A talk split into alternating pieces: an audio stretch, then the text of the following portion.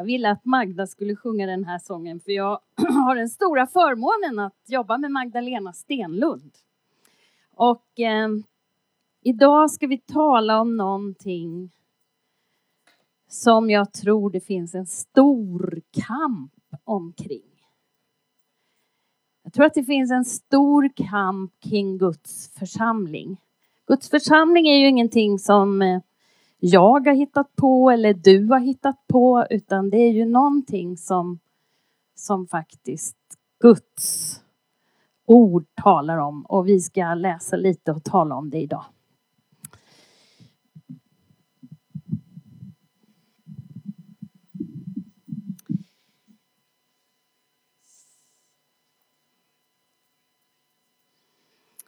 Eh, Jesus talar egentligen bara om det som vi kallar om kyrkan, den lokala kyrkan som vi talar om. Den talar han egentligen bara om vid två tillfällen i Nya Testamentet och det betyder de sammankallade. Alltså inte de splittrade utan de sammankallande. De sammankallade.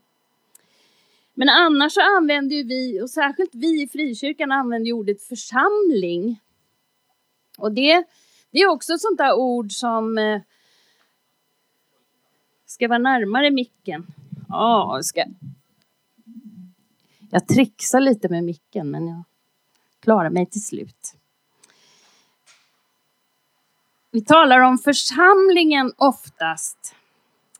För när vi talar om kyrka så talar vi om byggnad lite mer och så talar vi om församling och då menar vi den grupp människor som samlas i kyrkan. Och egentligen så är det grekiska ordet för församling också ett ord som, som säger de kallade och de utvalda. Till och med de utvalda eller de utkallade ur husen. Så jag tänker så här att, att vara en församling i vår tid handlar ju om att vara utkallade ur någonting för att vara någonting annat. Och i det här fallet är det tänkt att vi ska vara Guds folk. Och nu tänkte jag att ni skulle få se mitt bildspel här, men det går inte igång. Gör det? Titta.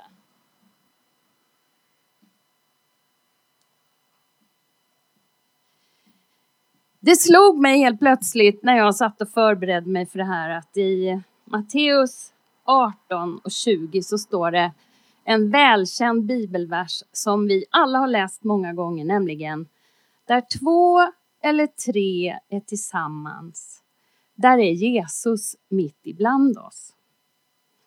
Det är egentligen det som är församling. Och då betyder det att församling egentligen är ett kvalitetsbegrepp inte ett kvantitetsbegrepp. Alltså hur många man är och hur stor man är är inte det viktigaste, utan vilken kvalitet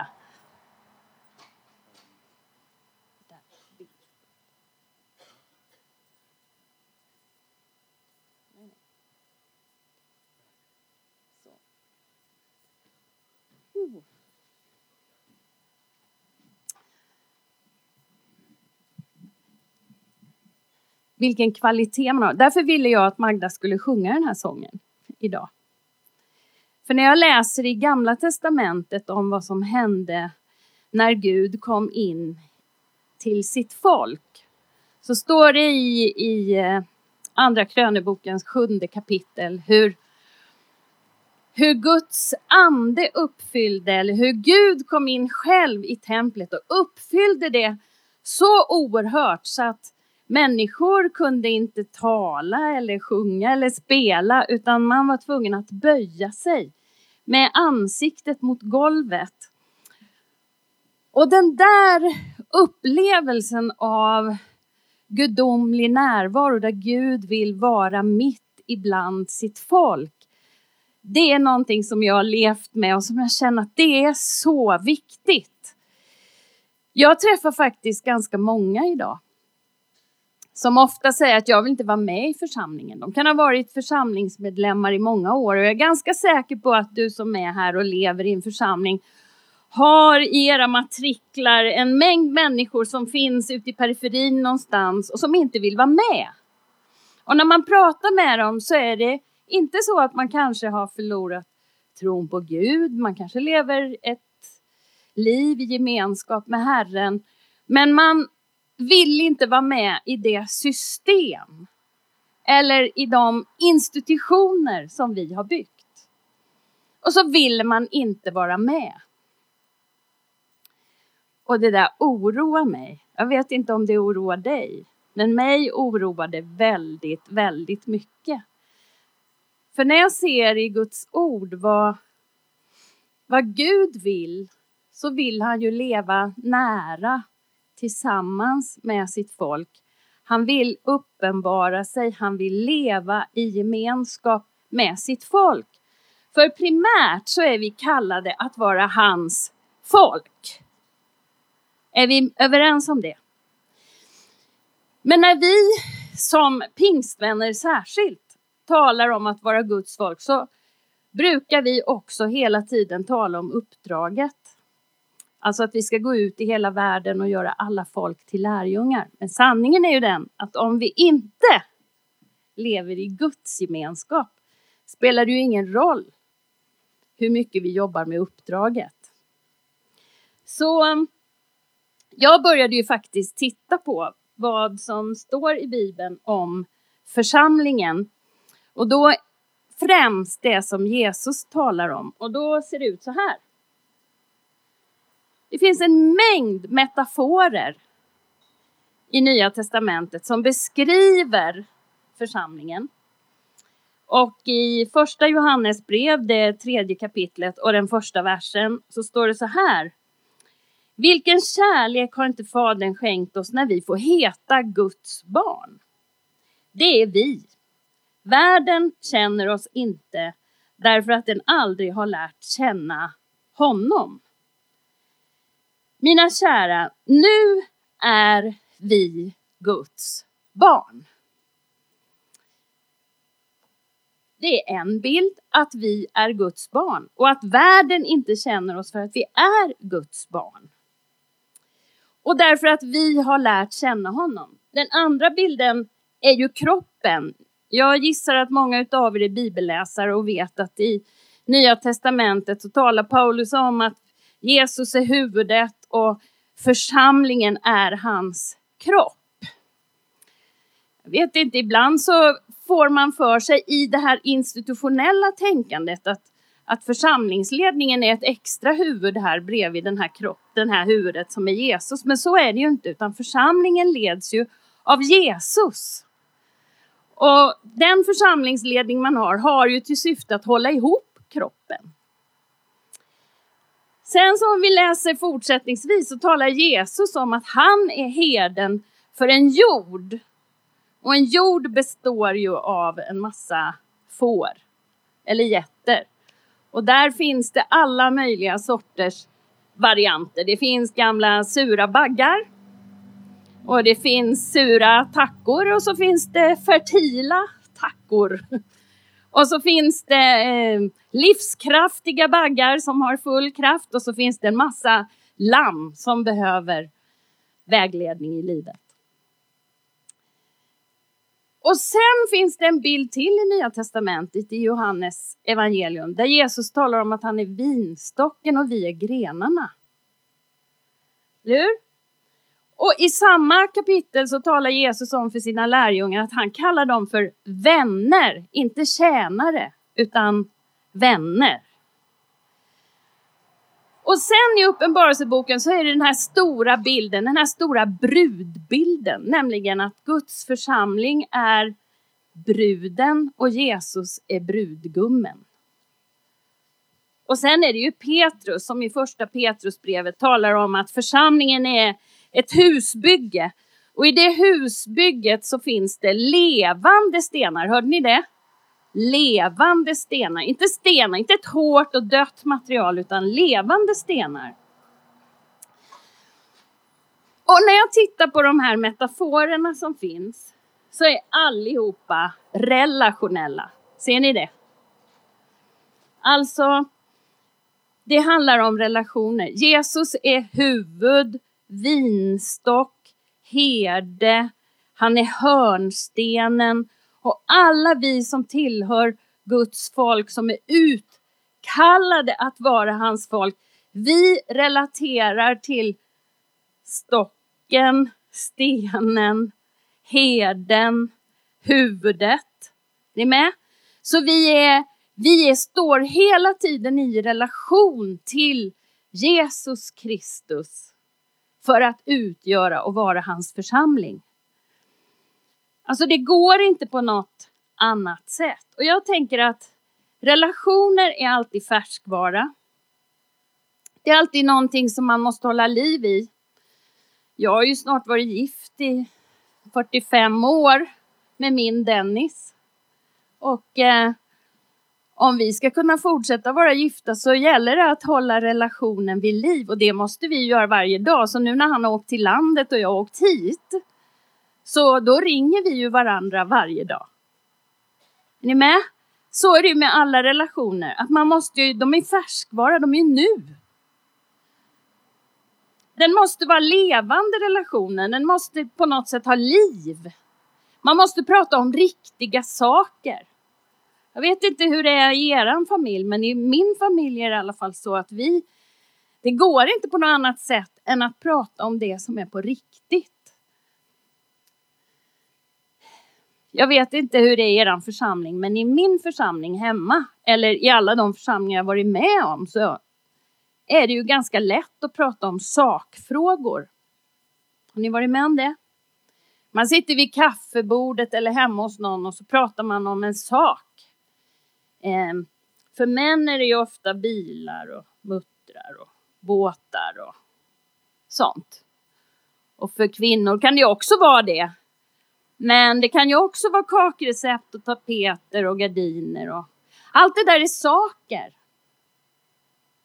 Men om du ska göra, hålla en relation levande, då måste du ju prata om jag-frågor. Man måste ju säga, jag drömmer om, jag vill, jag ber, jag tänker. Men det är ju lite läskigt. För att så fort man börjar säga det, va, då är man ju lite i riskzonen. Att någon faktiskt säger någonting som blir sårande. För när man öppnar sig själv och talar levande om jag drömmer om, eller jag skulle önska, eller jag vill, då finns det ju någon annan som kan ge sig på en, eller hur? Därför är det ju mycket enklare att prata om gardiner och tapeter och muttrar och skruvar och axlar och bilar och båtar och så. Men en relation till systrar och bröder och till Jesus kan ju inte handla om sakfrågor utan det måste ju handla om våra hjärtan. Så en levande relation med Jesus kan ju bara handla om det som är på riktigt. Och allt det där uppstår i nuet, alltså nu. Nu, i, idag. Idag. Hur har du det med Jesus idag? Och hur har Guds folk det med livet i Jesus?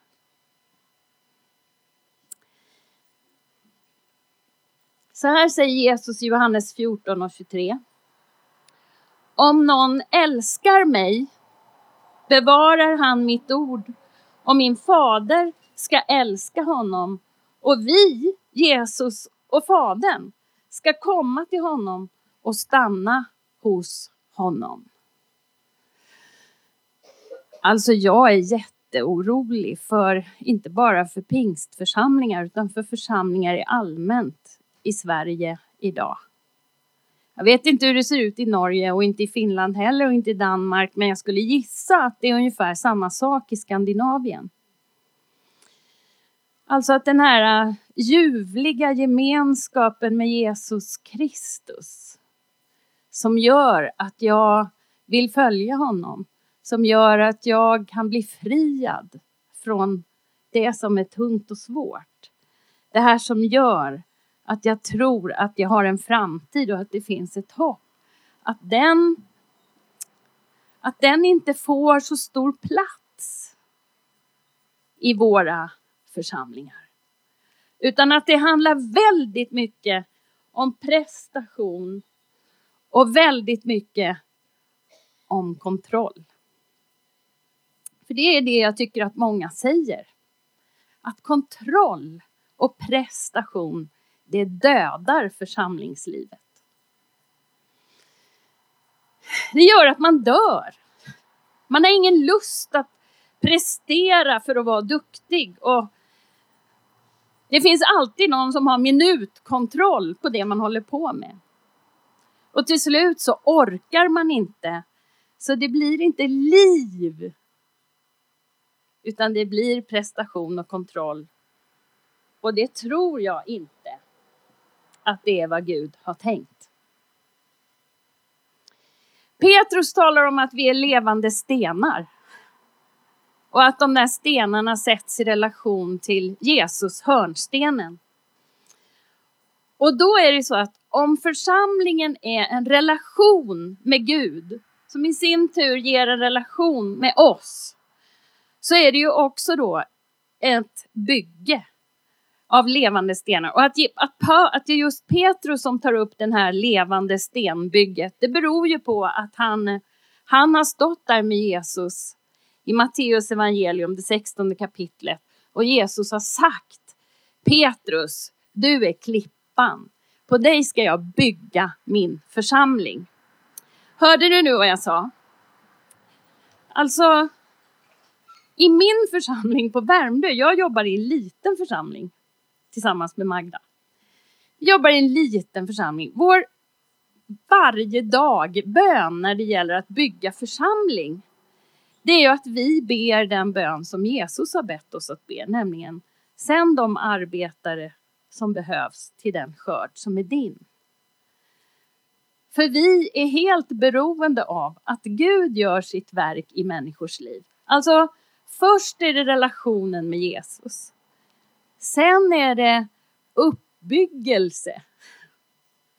Är ni med? Och uppbyggelse är ju egentligen en byggnadsterm som innehåller eh, en tydlig ritning och bra material och bra byggledare. Och allt det där finns ju med. Så att församling för mig, det är i första hand relation och sen måste vi byggas upp.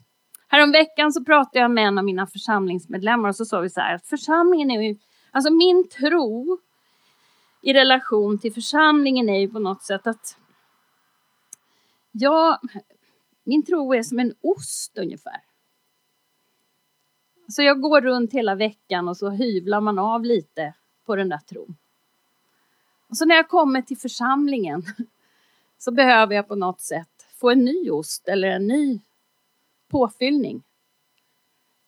Det kanske är en jättelarvig bild för dig, men jag tror att det är så för många att man, man liksom av tron hyvlas i vardagen på ett sätt, ungefär som vi hyvlar ost. Och så behöver vi sen komma till Guds församling för att byggas upp och på så sätt också bygga Guds församling.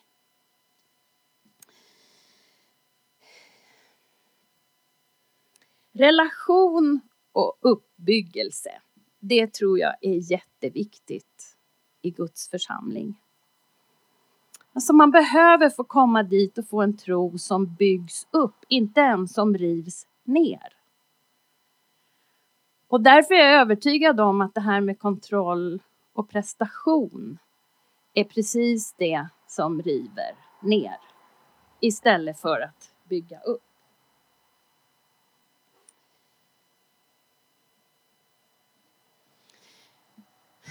Hos mig är det så här i alla fall att jag kan inte vara perfekt.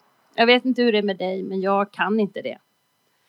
Jag är ingen perfekt människa. Jag vet inte hur du tänker om perfektion, men det är lätt att tänka någonting clean, någonting viktigt, någonting stort och fint. Men perfekt är inget intressant för någon. Men äkta, är bra. Guds församling som bygger på relation och att vi bygger upp vår tro behöver vara äkta, inte perfekt. I min församling där jag är så finns det massor med människor som har åsikter hela tiden om hur allting borde vara. Man har en åsikt om att man borde vara på ett visst sätt för att det ska liksom vara kyrka, vara församling.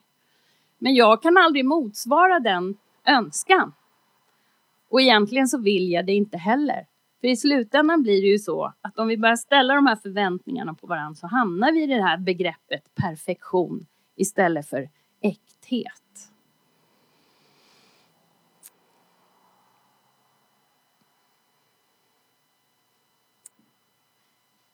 Jag vet egentligen inte om jag ska berätta det här men jag gör det i alla fall. För det här året har inte jag mått särskilt bra.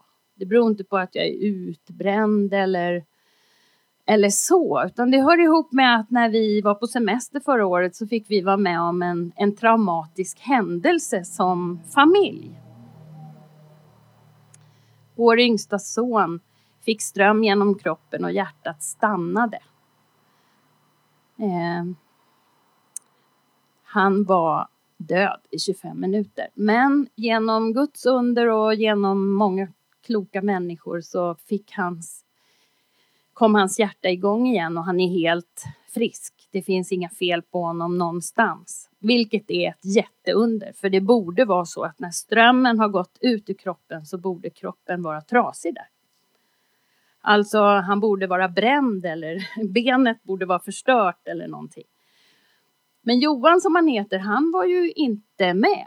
Han var ju borta. Han, han, allt var ju svart för honom i 25 minuter. Men för oss som var där blev det en fruktansvärd upplevelse. Det har ju gjort att jag inte har varit i bästa skick i min församling. Jag är församlingsföreståndare på Värmdö i Skärgårdskyrkan och jag har inte varit i bästa skick och känt det hela tiden. Men hela tiden ändå varit tvungen att för min församling förhålla mig och vara äkta. Så när de har frågat hur mår du Anette så har jag fått säga ja, sådär. Och då är det inte så att min församling har tyckt att åh vad hemskt att du inte mår bra utan då har de sagt det är okej okay, Anette, ta det lugnt. Det är okej. Okay. Fortsätt, ge inte upp. Tänk, jag tänk om vi får ha en sån gemenskap som är mer äkta än prestationsinriktad. Så tror jag att vi faktiskt kan få uppleva att Gud igen får komma mitt ibland sitt folk. Jag är helt övertygad om att, att Gud önskar ingenting hellre än att komma nära sitt folk igen. Och jag är säker på att den som tror att församling är prestation och kontroll och som känner att institutionen dödar. Jag är helt säker på att den längtar efter gudomlig närvaro. Alltså jag är helt säker på att den längtar efter att få vara med i en gemenskap där Guds närvaro är stark och fylld av kraft. Och lyssna nu. När eh, Johan låg där och var död och jag låg på mina knän i ett rum och ropade till Gud. Ropade till honom och sa att jag vet Jesus att du var beredd att ge ditt liv men jag är inte beredd att ge min sons liv. Jag vet att Abraham gav sin son men jag är inte beredd att ge min. Och jag ropade och ropade och ropade allt vad jag kunde. Då var jag en trasa som låg på ett golv. Ni med? Men Gud uppenbarade sin kraft för vår familj. Och så har det varit lite i våran lilla församling. Benjamin som hade suttit i rullstol i sju år reste sig upp en dag och gick 200 meter. Är det för att vi är så duktiga eller för att vi är någonting särskilt? Nej, det tror jag inte. Jag tror inte det har med det att göra det minsta, utan det har helt enkelt med det att göra Att vi längtar efter Jesus och att han vill uppenbara vem han är. Du vet min granne, hon är helt ointresserad av hur många tonarter vi sjunger i eller hur många stämmer vi sjunger i. Hon är helt ointresserad av vilka sånger vi sjunger. För att hon har ingen uppfattning om hur det ska låta i min församling. Och det tycker jag är min erfarenhet, att de människor som kommer utifrån, de har ingen uppfattning om hur det ska låta när vi sjunger och spelar i vår församling. De har bara en enda önskan och det är att få möta det som inte finns någon annanstans än i Guds församling. Därför tänker jag så här att den som inte vill dela en kristen gemenskap är för det första olydig mot Gud därför att Gud är det som har hittat på församlingen. Men inte bara det utan man försvagar sig själv. Hörde du vad jag sa? Alltså man blir själv svag, försvagad i sin tro, i sitt liv i gemenskap med Herren utan en församling. Får man säga så? Ja, jag, jag, jag bara säger vad jag tror. Och vad jag ser i Guds ord.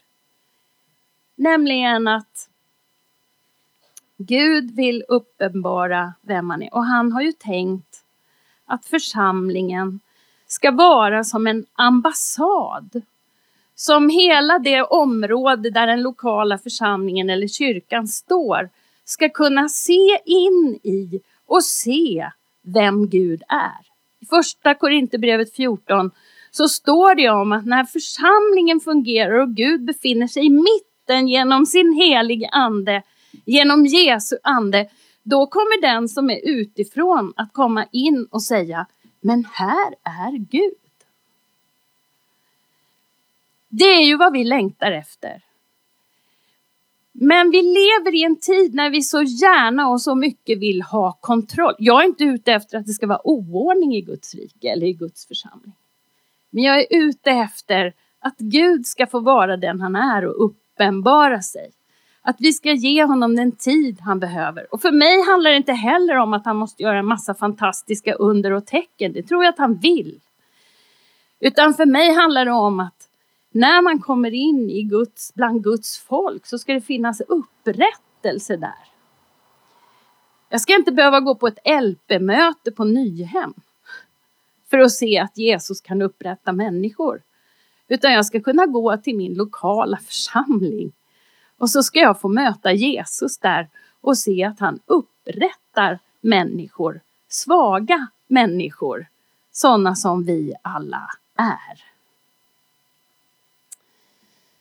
Ja.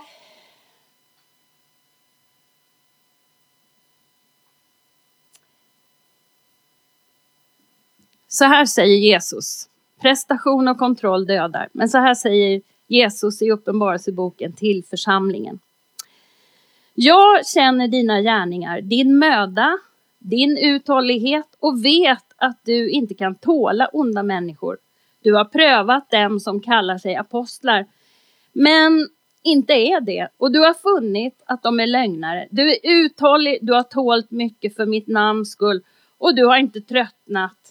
Men det har jag emot dig, att du har övergett din första kärlek.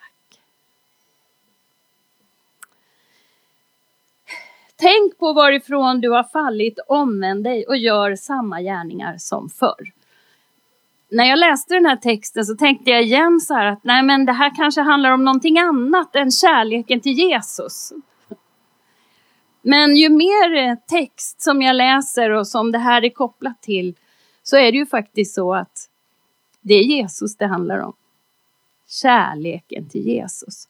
Och när jag läser den här texten så ser jag att det är en församling som kan jättemycket. Den har prövat, den har uthållighet, den kan en massa saker, de har tålt mycket och de har inte tröttnat. Men de har lyckats förlora kärleken till Jesus. Och då säger Jesus omvänd dig. Om jag bara får säga vad jag drömmer om. Så drömmer jag om att Guds folk ska vara mer intresserade om min, mer intresserade av vilka som sitter på stolarna än de som än hur stolarna ser ut. Får jag använda den lilla bilden? Det är egentligen ett citat ifrån en av våra församlingsmedlemmar. Alltså att man får drömma om att man är mer intresserad av vilka människor som sitter på stolarna än hur stolarna ser ut. För när man förlorar den första kärleken till Jesus, då blir man väldigt upptagen med de här sakfrågorna vi pratade om. Då blir man upptagen av hur huset ser ut och hur, hur stolarna ser ut och hur byggnaden är uppförd och man kan liksom föra krig med varandra när det gäller hur saker och ting ser ut. Vi krigar om musikstilar. Ja, vi, vi krigar till och med om predikostilar. Alltså hur ska man tala och hur ska man inte tala? Alltså till slut så för vi någon sorts krig om allting som inte är det minsta viktigt. Det kan vara viktiga redskap, men tänk om vi var mer intresserade av de människorna som sitter på stolen och fördjupa relationen till Jesus och till varandra på ett sådant sätt så att Gud kan uppenbara sig mitt i sin församling. Jag längtar efter en ny tid.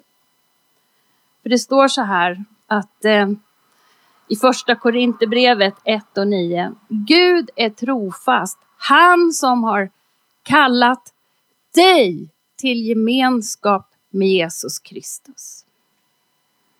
Han har kallat dig till gemenskap med Jesus. Ja, men säger du, jag har varit kristen i hela mitt liv. Och jag har varit en god församlingsmedlem och jag har varit det och det och det och det och så kan man räkna upp och så kan man vara nöjd. Men jag skulle önska att vi inte är nöjda.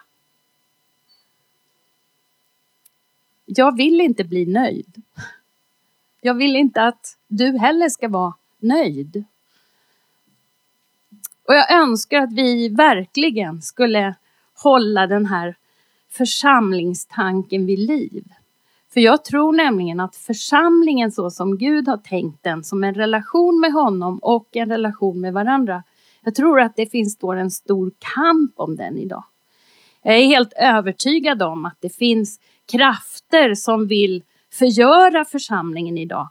Och vi är med och hjälper till. När vi sysslar med oväsentliga ting.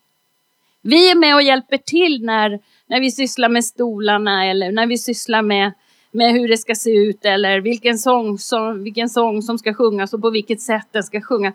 Vi är med och hjälper till så att den här kampen som pågår om församlingen som är Guds påhitt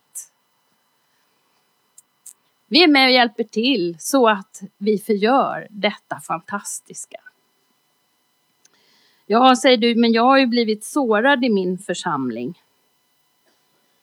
Så jag vill inte vara med.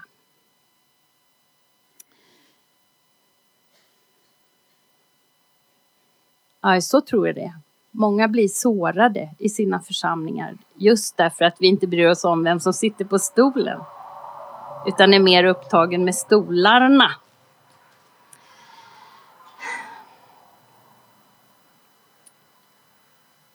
Hemma på Värmdö i våran lilla församling så får vi kämpa med de här frågorna precis som alla andra. Men jag har märkt en sak. Det är att den som börjar intressera sig för den som sitter på stolen det börjar hända något med den människan. När jag kom till Värmdö första gången då satt det tolv stycken på gudstjänst där. Och nu är det så att man kan inte bli fler.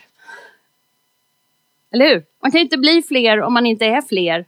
Man kan inte heller göra någonting annat än med det man har, det vill säga de där tolv som är där.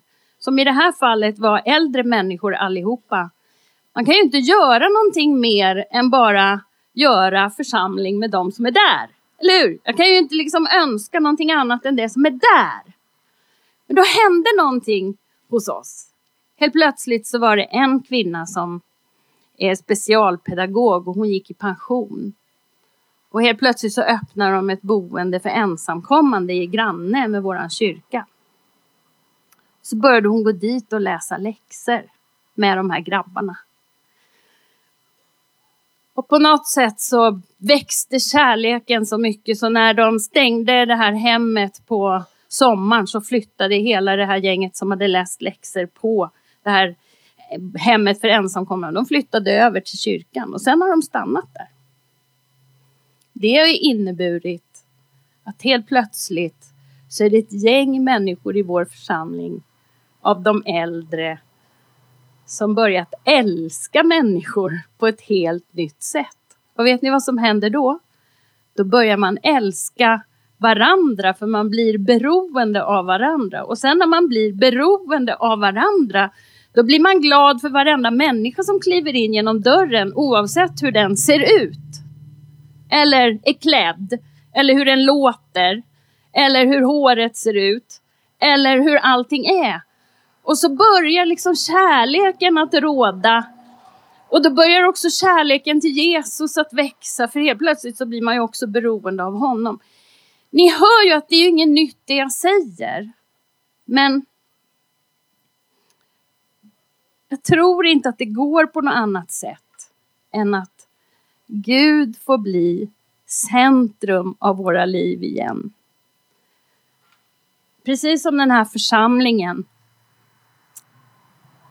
behövde en ny tid där de skulle omvända sig och börja älska Jesus igen.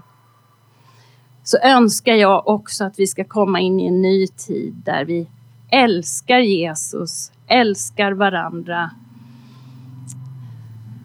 Och om jag fick önska någonting mer så skulle jag verkligen önska att det här kontrollerade presterandet, att, det, att vi fick lägga bort det.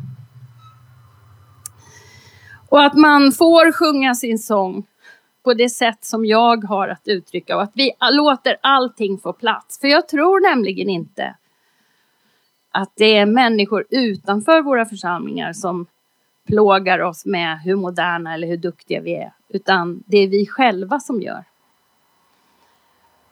Så kan vi inte bara komma överens om det? Att vi slutar vara upptagna med sakfrågorna och istället ställer Jesus i centrum. Så att han kan få börja uppenbara sig mitt ibland sitt folk. Så som han har tänkt, nämligen att församlingen ska vara det utkallade folket där han ska ha plats och uppenbara sig så att världen kan se vem han är. För det är väl det som är meningen med församlingen, förutom att vi får leva i Guds gemenskap, det är att världen kan se vilka vi är. Det vill säga vi är ett fotografi tillsammans av vem Gud är. Vem ska han annars använda än sin församling? Och det är därför kampen står om församlingen. För att det är genom församlingen han kommer att uppenbara för världen vem han är. Okej, okay, församlingen består av individer och individer har gåvor och funktion som behöver komma i funktion. Absolut.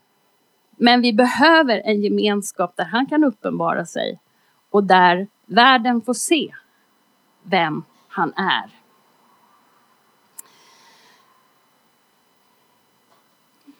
Jag tänker att vi behöver en liten stund. Vi ska, jag ska be Magda komma och vi ska be tillsammans så ska vi sjunga Jag älskar dig Jesus tillsammans. Innan vi ska be Niklas komma och tala lite om Ibra. Men jag tror att den här frågan har faktiskt bäring på Ibra också. Um, för jag tänker att vi behöver överlåta oss igen till Jesus, men också till varandra. Vi behöver överlåta oss till den församlingstanke som Bibeln talar om. Vi behöver överlåta oss till församlingen igen. Till den församling där Jesus får uppenbara sig.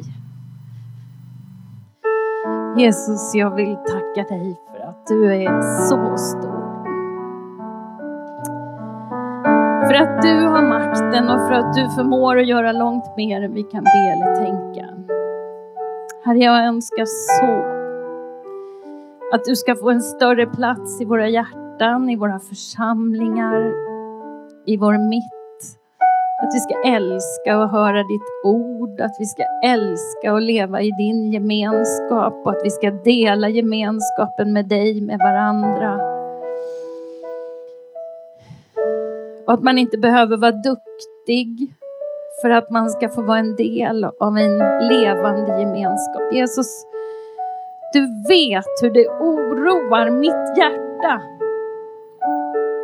att så mycket handlar om yta istället för levande verklighet. Och du vet hur det sårar mig att din församling ska bli ytlig och inte människovänlig emellanåt. Men Herre, förlåt oss och låt oss igen få komma in i en, en levande gemenskap där du kan få både göra under och upprätta människor och där vi kan få älska varandra och där människor kan få känna sig älskade, inte bara med sina hjärnor få veta att de är älskade utan också få känna sig älskade.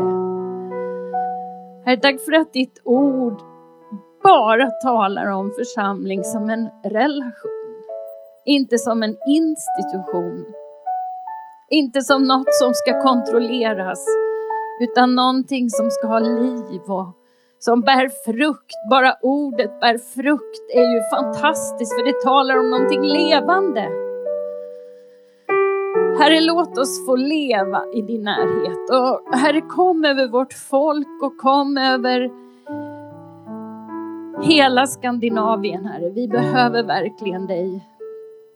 Det spelar ingen roll vilket kyrka eller vilket samfund vi talar om. Vi är alla så beroende av att du kommer till oss och att vi kommer till dig och att vi får leva denna kärleksrelation. Och nu vill jag be för alla mina vänner som sitter här i mattältet och alla mina vänner som lyssnar via närradion. Här alla dessa enkla ord. Jag önskar bara en sak, att du ska lägga händerna på var och en att de ska få uppleva att du är där, att du tänker, att du älskar, att du välsignar och att du har kraft att göra vad du vill, med vem du vill, när du vill. I Jesu namn. Amen.